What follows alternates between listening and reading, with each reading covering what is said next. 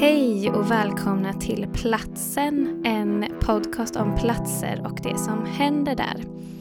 Idag ska vi prata om tvättstugan. Och jag heter Hanna, jag gästar den här podcasten för andra gången och vi andra i studion är Oskar. Och Samuel. Och precis som Hanna sa ska vi prata om tvättstugan idag. Och det är en ganska speciell plats. Känns som att de flesta människor har en relation till den. Alla som bor i flerbostadshus har, eh, har i princip en tvättstuga och de flesta som bor i villa har väl någon gång i sitt liv kanske bott i ett flerbostadshus. Ja, mm. helt enkelt. I Sverige i alla fall. Vad är, ja, vad är era första tanken när det säger tvättstuga? Vad era, vad kopplar ni till? Alltså jag kopplar ju till konflikt liksom och arga lappar och sådär. Trots att jag inte har någon personlig relation till det. Eller det har liksom aldrig, jag har blivit, aldrig blivit utsatt för det. Men, men det är ändå det jag tänker på. Och du är nog inte ensam om det heller. Vi kommer prata om det lite senare. Hanna? Mm. Just nu känns, känns tvättstugan som någonting jag inte hinner med. Någonting jobbigt. Mm. Ja, men det låter, jag, jag kan också känna igen mig i det. Det är ju inte världens roligaste att vara i tvättstugan. Eh, men, men, men som koncept är ju tvättstugan ganska intressant och det är också en, vilket jag inte kände till innan vi började researcha det här avsnittet, ett väldigt så specifik eh, svensk grej. Det finns i Finland också, men det är, i världen är det i princip bara Sverige och Finland som har den typen av gemensamt tvättställe som är ändå eh, hör till bostäderna. Så en kort eh, tvätthistor svensk tvätthistorik är då, i början av 1900-talet var ju Sverige ett av Europas fattigaste länder och att tvätta var en väldigt, det var ett stort arbete. Eh, så kallade storbykar, där man tvättade alla textiler, genomfördes några gånger per år. Då kokade man upp vatten och det var helt enkelt väldigt slitigt, det tog många dagar och det var ju kvinnan då som var ansvarig för det.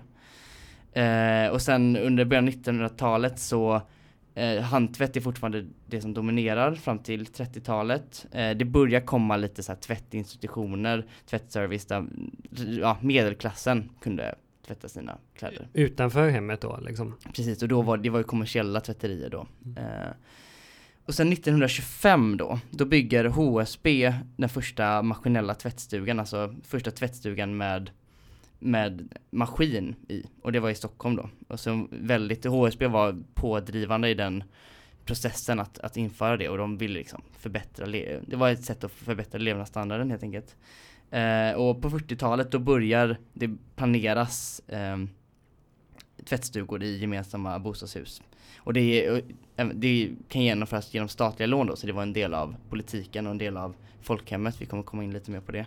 Eh, men på eh, 1950 så är det fortfarande bara 8% av hushållen i Sverige som har tillgång till en kollektiv tvättanläggning då. Men det, det stiger väldigt mycket eh, under 50-talet och eh, 65, mitten på 60-talet, så har 90% av alla hushåll i, ja, i flerbostadshus då tillgång till tvättstuga. Och sen dess så, ja, på 70-talet så var det 94 och nu idag kanske det går mot, eh, det försvinner lite grann. Fler och fler får ju egna tvättmaskiner även i Mm. Men det är mm. fortfarande en, en, stor majoritet av alla svenskar som bor i lägenhet har ju en tvättstuga liksom, fortfarande. Mm. Verkligen. Och Hanna, du, du har ju kollat lite på det här med hur tvättstugan var en del i idén om, om folkhemmet. Kan inte du berätta lite mer? Vad är, mm. vad är mm. folkhemmet och hur mm. passar tvättstugan in? Ja, men det, folkhemmet var väl liksom ett, um, ett koncept eller vad man ska säga som handlade om att, att förbättra levnadsstandarden på olika sätt. Och um, Eh, Eh, ett stort problem var ju hygien och, eh, men också hur, hur kvinnor skulle kunna komma ut på arbetsmarknaden och för att liksom möjliggöra det för dem så, så var, var vi ju tvungna att på något sätt liksom skära ner på den tiden som kvinnor la på att tvätta och städa och laga mat och sånt. Och, och, en, och då var ju tvättstugan en väldigt viktig del i det det man kan säga också att från att på, på 30-talet har tagit två personer två dagar att tvätta så tar det, tog det på, på 60-talet eh, en person en dag att tvätta och idag tar det ju en person kanske en halv, eller några timmar att tvätta liksom. Mm. Så det har ju frigjorts väldigt mycket tid. Effektiviserat helt enkelt. Ja. Det är intressant också tycker jag att tvättstugan var en sån otrolig lyx liksom. Eh, och, och tvättmaskinen var en sån lyx när den kom liksom. Eh, och nu känns det ju inte så lyxigt med tvättstugor. Nu känns det ju mer lyxigt att ha en egen tvättmaskin hemma. Verkligen. Och eh, bara för att komma tillbaka lite till det här med folkhemmet så eh, Nordiska museet i Stockholm gjorde 2009 en utställning om tvättstugan och de eh, tryckte upp en bok till den utställningen som jag har läst. Och i den boken så finns det ett eh, citat av Per Albin Hansson som var statsminister och är väl lite av skaparen, landsfadern bakom eh, folkhemmet och han sa så här då, eh, det här är ju hans känt tal som kallas folkhemstalet då. Hemmets grundval är gemensamheten och ansvarskänslan. Det goda hemmet känner icke några privilegierade och tillbakasatta. Inga kelgrisar och inga styvbarn. Där ser icke den ena ner på den andra. Där försöker ingen skaffa sig fördel på den andras bekostnad. Den starke trycker icke ner och plundrar den svage. I det goda hemmet råder likhet, omtanke och hjälpsamhet. Så det fanns ju verkligen den här tanken, men på att man, man gör saker tillsammans och mm. tvättstugan är ju demokratisk på det sättet, för alla är ju li, lika där. Mm. Eller hur? Mm, mm.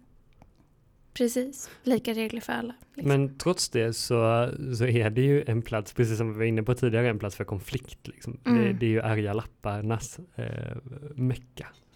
Ver verkligen, och eh, det är ju vad, vad, tror ni att det beror på att det blir så mycket konflikt? Har, har ni själva råkat ut för konflikter? För jag, det, också i den här boken så är det ju då utdrag och polisrapporter från slagsmål och sådär. Så det är mm. bara var det 2008 så var det i bara Stockholm så var det 72 stycken så här, polisanmälningar för våldsbrott i, med, med tvättstugor liksom. Så det händer ju. Ja. Mm. Jag, jag, vet inte, jag tänker att det, att, att det är ganska typiskt liksom när man får in främlingar i någonting väldigt privat så blir det väl mm. gärna, jag tänker en annan sån plats som gärna är liksom konfliktfylld är liksom delade sommarstugor och sådär. Det är också gärna liksom rätt så, uh, spänd stämning. Uh, för då får man främlingar väldigt nära inpå liksom. Ja, ja precis. Jag tror, jag tror, jag har ju en tanke om att det kanske är att man gör någonting väldigt personligt. Man tvättar kläderna som har varit väldigt nära ens kropp. Det är liksom, det handlar om att man ska tvätta bort sin egen smuts liksom. Så det är en väldigt personlig aktivitet och sen så gör man det i det här offentliga utrymmet som man delar med så många andra. Mm. Och där finns det nog liksom någonting som verkligen så här det krockar på något sätt och, och då finns det också den här grogrunden för att det ska kunna bli konflikt. Eh, men också i den här boken så konstaterar de att även om de flesta som, om man ska berätta någonting spontant om tvättstugor så handlar det om konflikt för att det är gärna det man berättar vidare men undersökningar har gjorts som visar att de flesta är egentligen väldigt nöjda med sin tvättstuga. De flesta använder den och de flesta är nöjda och tycker att den är ren och så. Men kanske är lättare att berätta om de här skräckhistorierna någonstans, mm, tänker jag. Det är väl kanske också det som så här, som ökar pulsen lite och, och alla de andra gångerna i tvättstugan bara flyter på och, och funkar liksom. Man berättar inte och kanske sina... inte så intressant att prata om. Nej, man berättar Igår tvättade sina... jag och det gick så bra. Det var jätterent på bänken. Ja. men, men jag säger tidigare att jag aldrig har liksom blivit utsatt för några arga lappar. Hur, hur, hur ser det ut i, hos er? Liksom? Har ni bråkat i tvättstugan någon gång? Mm, nej, jag är nog snarare den som sätter upp lappar. Alltså. det är också något de skrev i boken att så här, eh, alla har sett en arg lapp men ingen har skrivit en arg lapp. Det var, så, sanningen. Nej, jag, jag, vet, nej jag, inte, jag, skulle nog inte skriva någon lapp. Men jag, jag, tycker också det är roligt att någon sätter upp en lapp och sen så allt som händer i marginalen på den lappen tycker jag är... Att folk fyller i lite grann liksom, och kommenterar mm. och sådär. Ja. Typ såhär, vem fan var det som lämnade smutsigt och så här. Tala inte till oss på den där tonen. det blir som en konversation där, anonymt liksom. Det är lite mm. som Flashback typ. Ja. Det är ju olika också i olika tvättstugor. Vissa tvättstugor kan man ju se vem som har varit där innan, eh, tiden innan man själv ska vara där. Men, men många tvättstugor kan man ju inte göra det heller. Så då vet man ju inte vart man ska rikta aggressionen.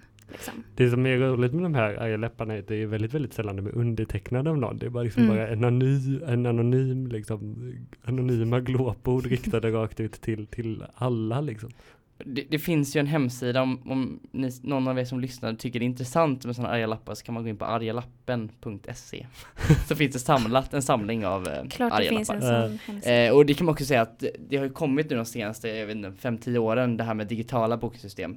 Som då, mycket av tanken som jag förstod bakom det är ju då att minska konfliktytorna för att så att det faktiskt inte går att komma in på en annan sida, det går inte att stjäla någon tid för det är den vanligaste orsaken till att det är bråk. Ja. Mm. Ehm, vi, eller så här, vi snackade ju innan om att, att det är en väldigt så personlig grej att tvätta. Liksom. Ehm, du, du snackade innan tidigare om att, att du tvättade i USA. Hanna, kan inte du berätta om det? Att, liksom, Mm. Känslan kring det? Ja, ja, men jag har varit på några längre resor då jag har behövt tvätta. Ehm, och det är någonting som jag tycker är så fint att göra när jag reser. För att det, det, det, kan vara, det kan vara väldigt häftigt att få göra någonting så vardagligt och liksom allmänt på, på en resa och i en miljö som är liksom helt ny för en. Eh, och också att liksom ta reda på hur tvättar man här? Vad finns det för tvättmedel? Vad är det för personer som rör sig på den här platsen? Ja. Och och Samuel, du, du jobbar ju på turistinformationen här i Göteborg. Ja, det gör jag. Och, och just det, det du har eh, tvättat på misstänker jag är sådana tvättomater. Mm, precis, som man laddar med mynt liksom. Ja. Kommersiella tvättstugor kan man väl Mm. kalla det. Och, och Mm. det, finns, det finns en i Göteborg och den ligger vid Mariaplan som är ändå en bit ifrån det område där de flesta turisterna rör sig. Och det, jag har aldrig varit med om det själv men jag har hört att, att, liksom att fransmän och tyskar och amerikaner tycker att det liksom är helt bisarrt att man inte kan tvätta sina kläder i centrala Göteborg. Mm. Då får man liksom verkligen förklara att så här, men i Sverige så är liksom, där har vi tvättstuga så därför så finns det inga tvättomater i, i, i centrala Göteborg. Eh, det, är här, det är ändå rätt spännande tycker jag. Mm, det kan ju vara så olika också. När jag reste i Asien så fanns det ofta liksom laundry service där man bodde och då kunde man liksom lämna in sin tvätt och så fick man den tvättad. Då antar jag att de som kanske hade hostelet eller så tog hem det och tvättade det helt enkelt. Så var det på flera ställen. Men så jag, jag tvivlar på att man kan göra det här liksom. Det fin jo, det, alltså, det är kemtvätt. Ja, men och, precis. och så du, det kan ju vara så här, du lämnar in, kan lämna in dina skjortor liksom och få Mm. dem tvättade och strykna och så.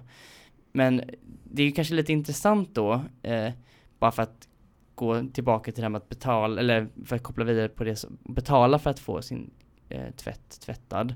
Så, så var ju, i början av 90-talet så var det ju en klassfråga vem som kunde slippa tvätta själv.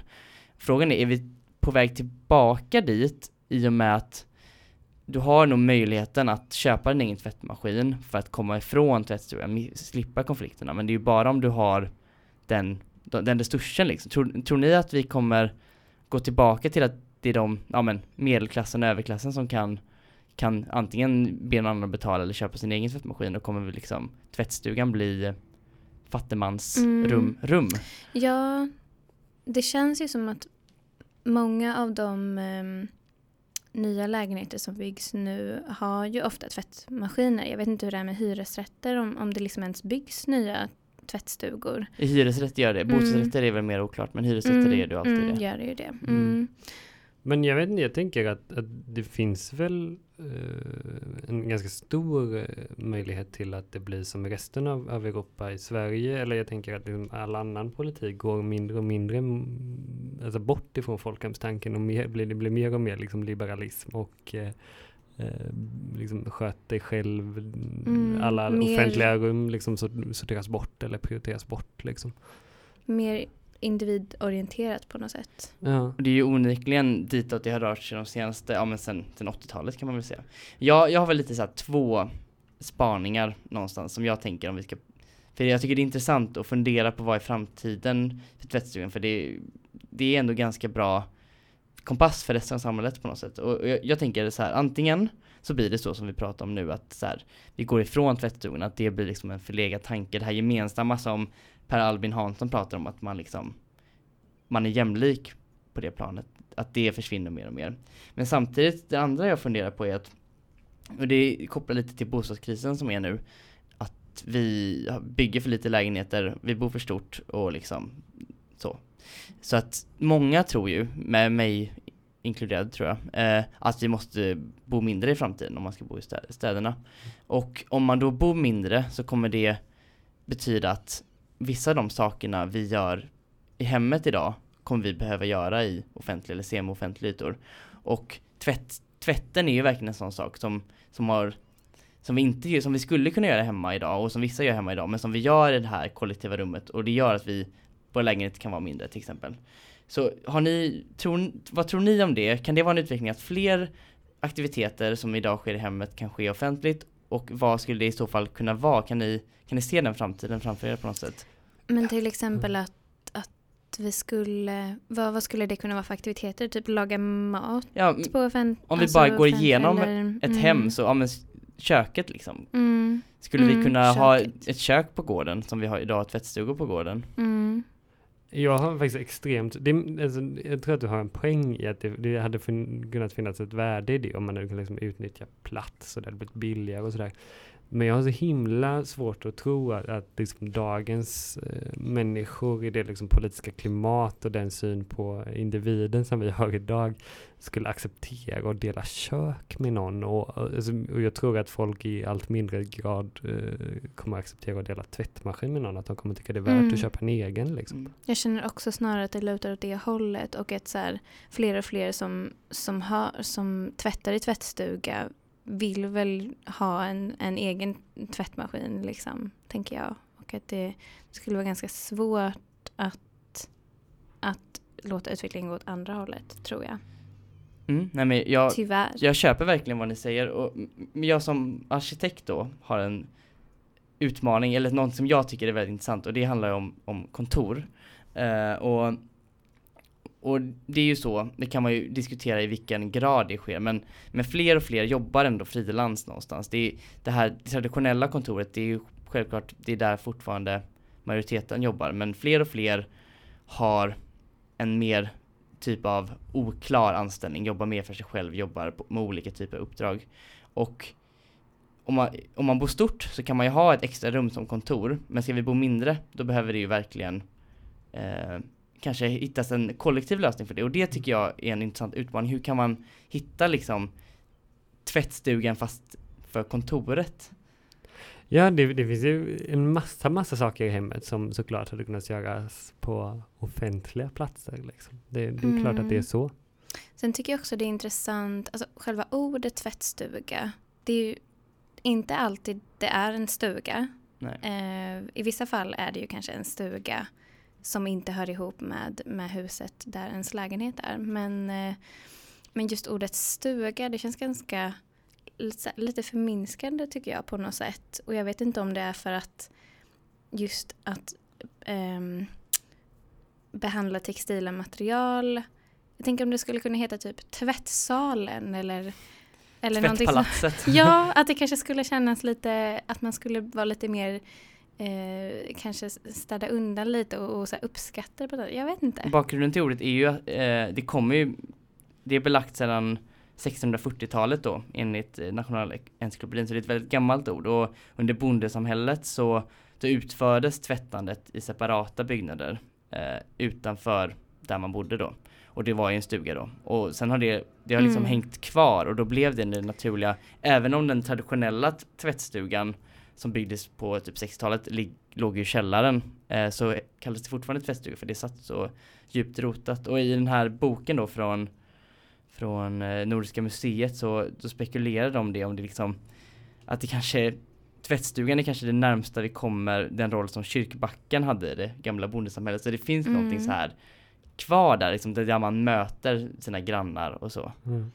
Ja, ja, och sen kan man ju verkligen prata om textilers värde på olika sätt. Eh, just när man pratar om tvättstugor. Eh, också ur en miljöaspekt. Att vi kanske tvättar alldeles för mycket egentligen. Eh, förbrukar väldigt mycket vatten och energi till att göra det. Och att vi eh, antar jag kanske tvättar mer och mer. För det känns också som att så här, som att det blir ett större och större fokus på att vi ska vara rena och alltså rädslan för smuts på något sätt Mm. Mm. Det är blir större. Verkligen sant. jag tänker att vi kanske avslutar någonstans där och med just det funderingen på vad, vad, men vad, vad har varit, det har vi pratat om nu, och vad, men vad kommer?